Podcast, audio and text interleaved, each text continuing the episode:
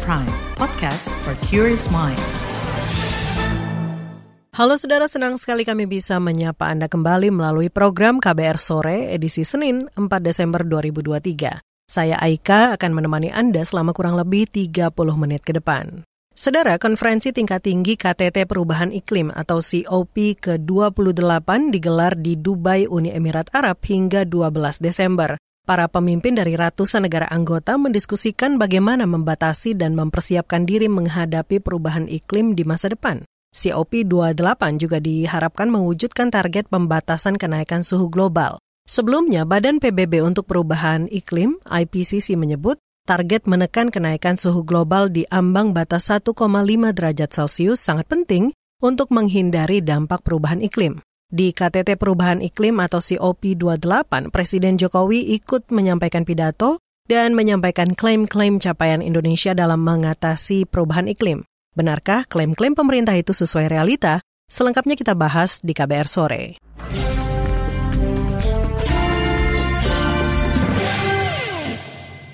Saudara Presiden Joko Widodo menyampaikan kesuksesan Indonesia menurunkan emisi karbon antara tahun 2020 hingga 2022. Saat berpidato di KTT Perubahan Iklim atau COP ke-28 Dubai Uni Emirat Arab Jumat pekan lalu, Jokowi menyebut Indonesia sukses menurunkan emisi karbon hingga 42 persen. Kami ingin bekerja keras mencapai net zero emission di tahun 2060 atau lebih awal, sekaligus menikmati pertumbuhan ekonomi yang tinggi, kemiskinan dan ketimpangan yang terus diturunkan secara signifikan, serta lapangan kerja yang terus tercipta. Saya yakin banyak negara berkembang mempunyai posisi yang sama dengan Indonesia. Tetapi agenda ini tidak bisa dilakukan oleh masing-masing negara. Perlu kerjasama yang kolaboratif dan inklusif berupa aksi-aksi nyata untuk menghasilkan karya-karya nyata. Dengan segala keterbatasan, Indonesia terus menurunkan emisi karbon. Antara tahun 2020 tahun 2022 Indonesia berhasil menurunkan emisi karbon sebesar 42 persen dibandingkan dengan perencanaan bisnis as usual tahun 2015. Presiden Jokowi juga mengklaim sudah bekerja keras memperbaiki pengelolaan pemanfaatan hutan dan penggunaan lahan, serta mempercepat transisi energi menuju energi baru terbarukan. Dalam hal pengelolaan hutan dan lahan, Jokowi menyebut Indonesia terus menjaga dan memperluas hutan mangrove serta merehabilitasi hutan. Kami juga bekerja keras untuk memperbaiki pengelolaan forest and other land use polu serta mempercepat transisi energi menuju energi baru terbarukan. Dalam hal pengelolaan polu, Indonesia terus menjaga dan memperluas hutan mangrove serta merehabilitasi hutan dan lahan. Deforestasi juga berhasil diturunkan pada titik terendah dalam 20 tahun terakhir pembangunan persemaian juga kita lakukan dalam skala besar dengan kapasitas total sekitar 75 juta bibit per tahun juga sudah mulai efektif berproduksi.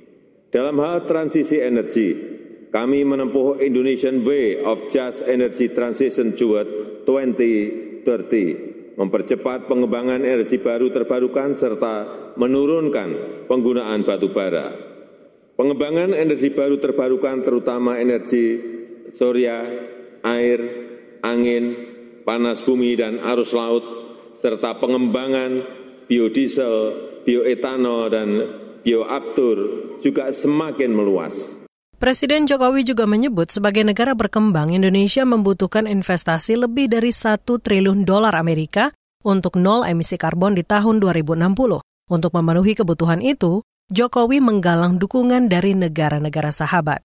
Saya baru saja meresmikan Cirata Floating Solar Power Plant terbesar di Asia Tenggara, menghasilkan 192 megawatt hasil kerjasama Indonesia dengan Uni Emirat Arab. Semua upaya tersebut membutuhkan pembiayaan yang besar. Negara-negara yang sedang berkembang tidak mungkin mampu melakukannya sendiri.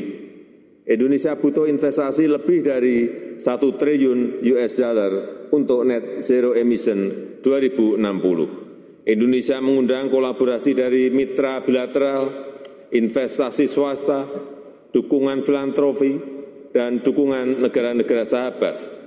Kami juga telah mempunyai platform pembiayaan inovatif yang kredibel, busa karbon, mekanisme transisi energi, sukuk dan obligasi hijau, pengelolaan dana lingkungan hidup dari Research Based Payment. Bank-bank pembangunan dunia, MDBS, harus meningkatkan kapasitas pendanaan transisi energi dengan bunga rendah. Itu tadi sejumlah klaim Presiden Joko Widodo di KTT COP28 Dubai, Uni Emirat Arab. Saudara dalam upaya mengatasi pemanasan global, Indonesia juga melakukan sejumlah langkah transisi energi dari yang selama ini mengandalkan energi fosil. Bagaimana transisi energi di Indonesia dan apa tantangannya? Informasi selengkapnya kami hadirkan melalui laporan khas KBR usai jeda. Tetaplah di KBR sore.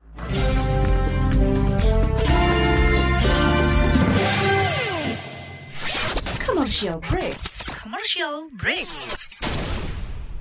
Pah, ini kok macet banget ya? Tumben. Kayak baru pertama kali aja kena macet mah. Ini kan makanan sehari-hari. ah, papa nih. Bikin mama tambah sepaneng aja. Ini udah mau jam 9 loh, mah. Duh, papa telat deh. Papa kan masuk kantornya jam 10. Belum telat dong. Bukan masalah ngantor, mah. Papa nggak mau telat dengerin talk show ruang publik KBR. Tolong dong mah puterin channel radionya. Hoalah, papa, papa. Ruang Publik KBR, talk show yang membahas beragam tema menarik dan informatif, menghadirkan narasumber kompeten. Anda bisa mendengarkan setiap Senin sampai dengan Jumat, pukul 9 sampai 10 waktu Indonesia Barat. Hanya di 100 radio jaringan KBR di seluruh Indonesia. You're listening to KBR Pride, podcast for curious mind. Enjoy!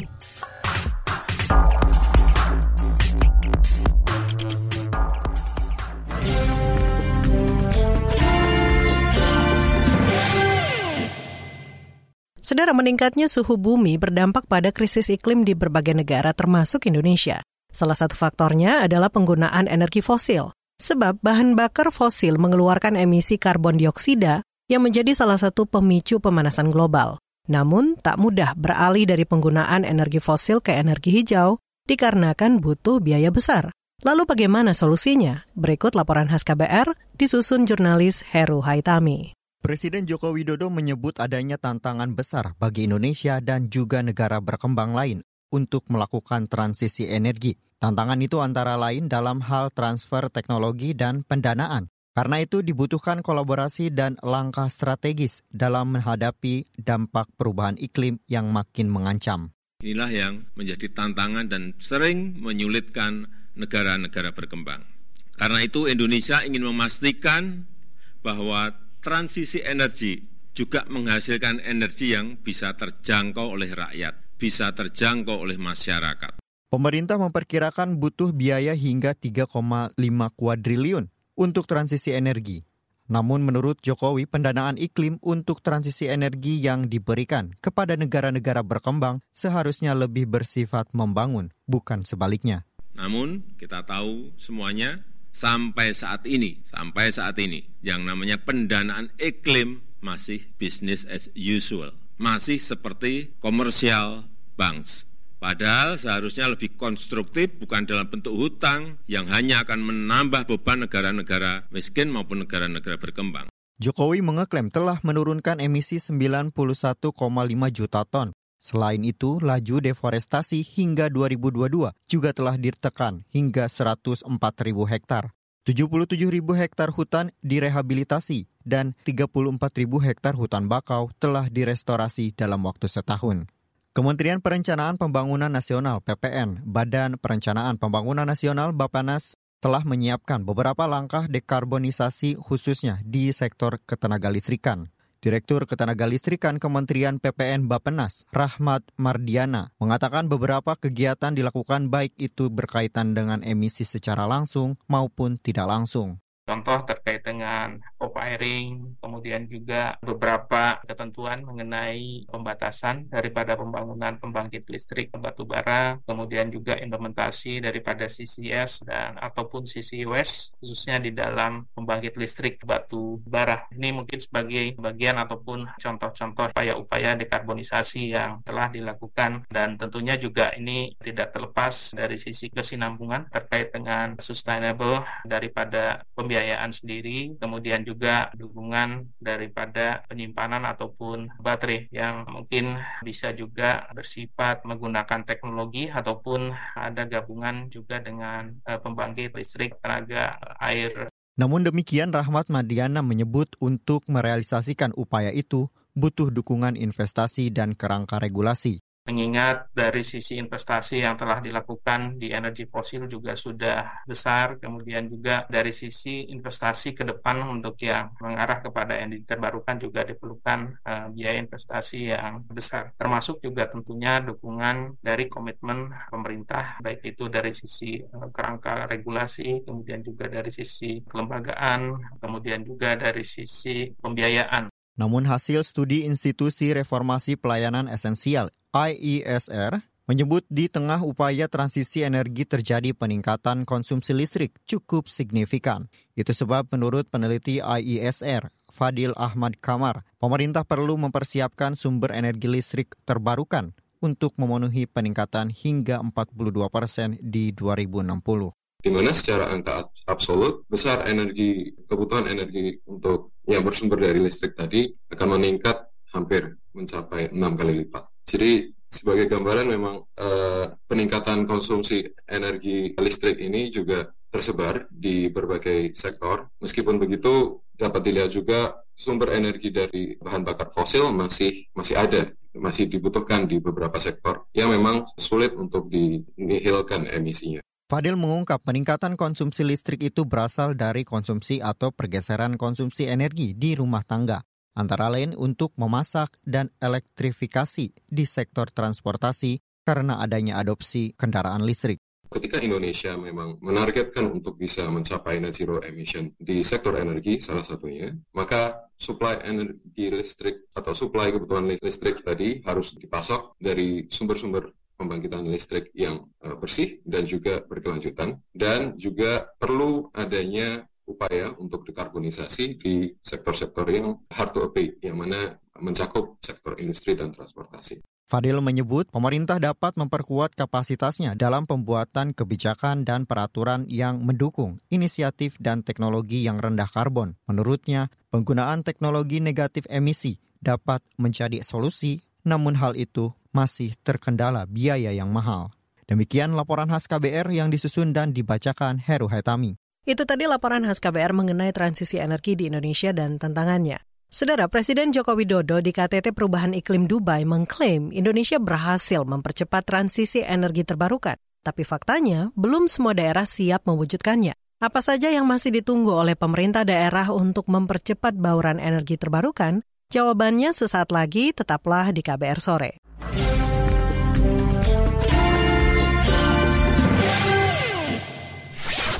Commercial break. Commercial break. Aduh, hari ini gue bakal capek banget deh. Masuk pagi buta, full sampai sore, ditambah harus kerja kelompok. Pusing banget. Lama-lama nih ya, kalau kata orang-orang sekarang tuh, mental health gue terganggu. Masih pagi woi, udah ngomel-ngomel aja. Nih, biar lo nggak overthinking apalagi jadi self-diagnose, coba deh lo dengerin podcast Disco. Apa? Ke disco? Disco, diskusi psikologi. Itu podcast woi, podcast. Menghadapi kenyataan dunia emang gak mudah. Tapi jangan sampai kesehatan mentalmu terganggu apalagi sampai self-diagnose. Cus dengerin Disco, diskusi psikologi, persembahan Into the Light Indonesia dan KBR. Disco membahas beragam topik seputar kesehatan mental langsung dari pakarnya. Disco, diskusi psikologi, hapus stigma, peduli sesama, sayangi jiwa. Simak di kbrprime.id dan platform mendengarkan podcast lainnya. KBR Prime, podcast for curious mind.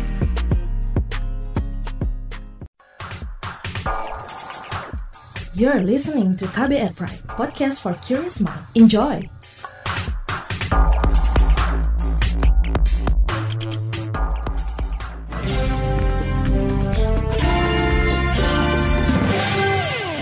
Kita lanjutkan lagi KBR sore. Saudara Presiden Joko Widodo mengklaim Indonesia berhasil melakukan percepatan transisi energi terbarukan. Lalu bagaimana penerapannya di daerah? Kepala Sub Bidang Pendanaan Pembangunan Provinsi Sumatera Selatan, Brilian Faisal, baru-baru ini mengatakan penerapan bauran energi di Sumatera Selatan tahun lalu mencapai 21 persen. Angka itu masih kurang sedikit lagi dibanding target nasional, yakni sebesar 23 persen di tahun 2025 sampai dengan tahun 2022 bauran energi terbarukan Sumatera Selatan itu sudah mencapai 21 persen. Sedangkan di nasional eh, 2025 maaf itu 23 persen. Namun demikian itu sumber dari panas bumi Mbak ya. Artinya untuk aspek-aspek yang lain sesuai kajian-kajian sebelumnya memang belum maksimal. Baru termanfaatkan 4 sampai dengan 5 persen seperti itu. Lalu terkait yang ininya juga kami juga bicara konsep energi keadilan artinya tentunya terkait akses, infrastruktur, pendanaan, itu yang kami harapkan. Kepala Sub Bidang Pendanaan Pembangunan Provinsi Sumatera Selatan, Brilian Faisal menambahkan, meski pemerintah daerah mendukung transisi penggunaan energi fosil menuju energi hijau, tapi pemerintah daerah berharap diberikan tiga fasilitas dasar oleh pemerintah pusat, yaitu akses, infrastruktur, dan pendanaan. Sementara di sisi lain, Saudara Ketua Komisi Energi di DPR dari fraksi Nasdem, Sugeng Suparwoto menyebut Indonesia masih terlambat melakukan transisi energi terbarukan. Bahkan, Indonesia juga mengalami trilema energi, yaitu ketahanan energi, keterjangkauan harga, dan kebersinambungan pasokan energi. Berikut wawancara jurnalis KBR Heru Haitami dengan Ketua Komisi Energi di DPR, Sugeng Suparwoto. Sekarang yang masih menjadi catatan itu apa sih Pak dari DPR dan kemarin juga kan pemerintah baru saja mengikuti COP28. Ya. Apa yang harus dipertahankan lalu apa yang harus ditingkatkan terkait transisi energi? Climate change ini memang betul-betul terjadi dan dengan komitmen Indonesia yang menandatangani Paris Agreement maka memang atas national determined contribution kita sudah dipatok bahwa di tahun 2030 kita harus menurunkan emisi sampai tingkat semula 29 persen, eh, bahkan terus pemerintah sendiri yang menaikkan menjadi 31,8 persen. Itu dengan istilahnya bagaimana direalisasi tanpa bantuan internasional. Kalau dengan bantuan internasional bahkan sampai 41 persen, bahkan dinaikkan oleh targetnya sendiri oleh pemerintah menjadi 43 persen dari bisnis as usual, artinya dari keadaan kalau tidak ada komitmen-komitmen uh, menurunkan emisi tersebut. Di sisi lain, di tahun 2015 yang lalu itu sudah ditetapkan ada namanya program 35 ribu megawatt atau 35 giga untuk mengantisipasi kemungkinan naiknya uh, demand listrik dikarenakan kenaikan uh, pertumbuhan ekonomi. Nah, ternyata meleset perkiraan-perkiraan itu. Sementara tahun 2016 kita menandatangani Paris Agreement tadi. Nah di tahun 2019 2020 terjadi krisis uh, karena COVID, maka demand akan listrik uh, turun tajam. Di sisi lain tadi program 35 ribu megawatt yang sebagian besar adalah energi fosil atau PLTU batu bara bahkan. Apakah program transisi energi yang dilakukan bisa turut menurunkan emisi di Indonesia? Untuk net zero emission itu, maka kalau kita tarik di tahun 2060 kita butuh listrik itu berapa? Kita hitung sekitar 420 gigawatt.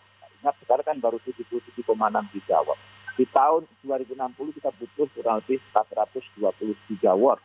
Maka untuk mencapai kebutuhan 420 gigawatt tadi, kita bangunkan, kita potensinya renewable energy itu adalah misalnya pembangkit listrik tenaga air, kurang lebih 28 giga, pembangkit listrik tenaga panas bumi, sekian, sekian, dan sebagainya. Itu semua tidak cukup.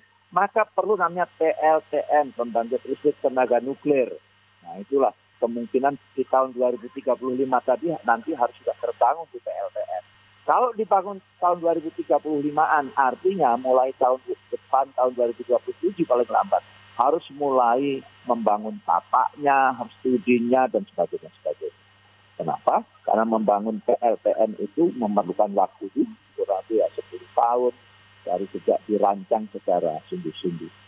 Jadi kembali kepada persoalan semuanya ini, bahwa Indonesia memang menghadapi trilema satu tentang ketahanan energinya membutuhkan energi banyak. Dua adalah uh, tentang affordability. Affordability itu adalah keterjangkauan, mudah dijangkau atau mudah didapatkan, tetapi juga terjangkau secara harga.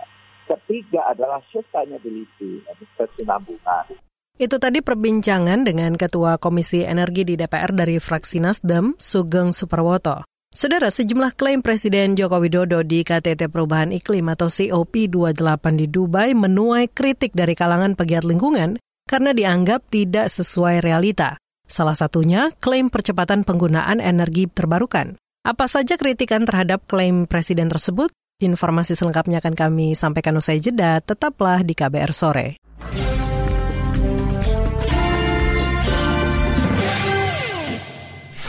Commercial break. Commercial break. lah, ini anak kenapa? Gue diputusin Reyhan. Aduh, yang sabar ya, Di.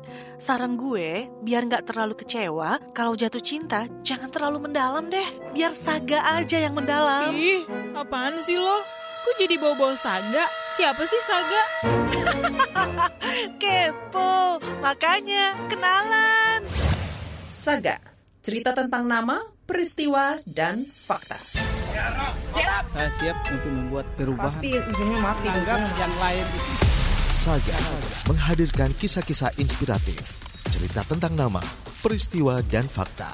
Hasil liputan mendalam yang dikemas menarik dengan kualitas jurnalistik terbaik. Dengarkan Saga di podcast KBR Prime dan di program Buletin Pagi setiap pukul 6 waktu Indonesia Barat di radio jaringan KBR di seluruh Indonesia. You're listening to KBR Pride, podcast for curious mind. Enjoy!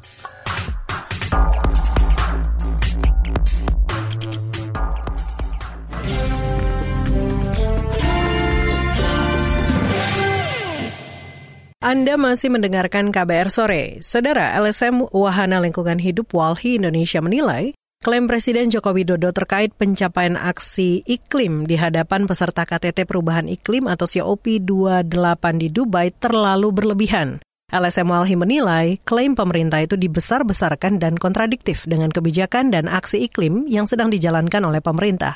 Kontradiksi itu terlihat dalam berbagai hal, antara lain pengurangan emisi sebesar 42 persen, pengurangan angka deforestasi, transisi energi, hingga transisi ekonomi berkelanjutan. Menurut pengkampanye tambang dan energi dari Walhi Indonesia Tri Jambore, hingga kini bauran energi terbarukan di Indonesia masih sulit beranjak dari angka 12 persen. Padahal targetnya 23 persen di tahun 2025. Informasi selengkapnya kita akan simak wawancara jurnalis KBR Heru Haitami bersama pengkampanye tambang dan energi Walhi Indonesia Tri Jambore. Ada beberapa klaim yang disampaikan oleh Presiden Jokowi terkait aksi-aksi iklim yang dilakukan di pemerintahan Indonesia. Kalau dari Walhi sendiri, eh, bagaimana catatan apa yang selama ini dikritisi oleh Walhi terkait aksi-aksi iklim yang dilakukan oleh pemerintah? Ada beberapa klaim yang sebetulnya eh, perlu untuk dilihat kembali atau malah dibantah dari pidato Presiden di COP 28 kemarin. Indonesia telah menurunkan emisi 42 persen dari tahun 2020 sampai 2022, tapi dibandingkan dengan bau tahun 2015. Jadi pertanyaan kenapa spesifik diambil standarnya di bau 2015? Nah, kalau kita mau cek, 2015 itu adalah tahun tertinggi Indonesia mengeluarkan emisi karena kasus kebakaran hutan. Sehingga dipasang standar yang tinggi sekali, tapi dibandingkan kemudian pada tahun-tahun ketika Indonesia mengalami pandemi, sehingga terlihat ada step, ada penurunan yang drastis. Tapi model begini kan harus kita kritisi itu karena dipilih tahun-tahun tertinggi dibandingkan dengan tahun-tahun terendah. Harusnya kalau kita mau menghitung soal penurunan emisi, dia harus diturunkan dari NDC kita, dari komitmen penurunan emisi kita. Nah, penurunan emisi kita harusnya per tahun dia berkisar di antara 700 ribu sampai 800 ribu gigaton. Sementara kalau kita cek saja di 2015 itu udah 2 juta. Di tahun-tahun selanjutnya dia bersekitar di angka jutaan. Kalau angkanya masih angka jutaan gigaton, artinya belum ada penurunan serius dari Bagaimana dengan transisi energi? Kita juga mendengar Presiden, terutama dalam transisi energi, menyebut Indonesia telah melaksanakan dua hal. Satu, mempercepat penggunaan energi terbarukan. Nah ini juga kemudian harus ditanyakan ulang karena sampai tahun 2023 sampai sekarang angka bauran energi terbarukan kita itu nggak beranjak dari 12 persen gitu. Padahal komitmen kita itu 2025 artinya dua tahun lagi harusnya sudah mencapai 23 persen di NDC kita. Itu pun sebetulnya NDC kita belum bisa dianggap selaras dengan perjanjian Paris yang harusnya selaras dengan upaya untuk menurunkan suhu sampai satu setengah derajat Celcius di bawah satu setengah derajat Celcius. Yang kalau kita mengacu kepada skenario Badan Energi Internasional IEA, harusnya eh, di 2030 misalnya bauran energi terbarukan Indonesia itu sudah sampai 60 persen. Artinya sebetulnya nggak ada percepatan di dalam bauran energi kita masih stuck di angka 12 persen. Yang ketiga, kemudian Presiden juga menyebut soal penurunan penggunaan batu bara di Indonesia. Nah, ini sebetulnya dibantah sendiri oleh Kementerian ESDM. Beberapa hari sebelumnya, Kementerian ESDM menyebut bahwa kontrak panjang untuk penggunaan batu bara di PLTU-PLTU kita itu baru akan mencapai puncak. Itu puncaknya baru akan di 2035. Artinya kita masih akan terus naik penggunaan batu baranya kalau melihat pada beberapa catatan kontradiksi tadi uh, dari Walhi, nah apa sebetulnya kemudian ke depan dorongannya terhadap pemerintah? Jangan sampai yaitu hanya lip service saja terkait aksi-aksi iklim yang dilakukan. Iya, pertama tentu adalah Indonesia sebagai salah satu negara yang sudah meratifikasi perjanjian Paris harus kemudian menunjukkan komitmennya terhadap itu. Upaya bauran energi harus dilakukan tanpa juga menihilkan keselamatan lingkungan. Artinya pilihan-pilihan untuk melakukan transisi energi juga tidak boleh meminggirkan hak-hak keselamatan warga. Nah, pilihan kedua bahwa upaya untuk melakukan transisi energi juga harus mengembalikan bahwa energi dihadirkan itu sebagai hak masyarakat, bukan sebagai eh, komoditas semata untuk diperjual belikan. Artinya pilihan yang lain seperti konservasi energi, upaya untuk memperketat efisiensi dan efektivitas energi juga harus kemudian didorongkan. Penggunaan teknologi-teknologi yang lebih sederhana dan kemudian yang lebih hemat energi itu juga kemudian didorongkan. Memaksa juga perusahaan-perusahaan untuk kemudian lebih efisien dan lebih mengkonservasi energinya. Tidak membuat pembangkit-pembangkit yang terlalu jauh dengan titik-titik sumber konsumen, artinya harusnya pembangkit-pembangkit itu jauh lebih dekat di pada konsumen. Itu tadi pengkampanye tambang dan energi Wahana Lingkungan Hidup Walhi Indonesia Tri Jambore. Saudara perbincangan tadi menutup jumpa kita di KBR sore edisi Senin 4 Desember 2023. Pantau terus informasi terbaru melalui situs kbr.id, Twitter kami di @beritaKBR, serta podcast di kbrprime.id. Saya Aika bersama tim yang bertugas undur diri. Salam.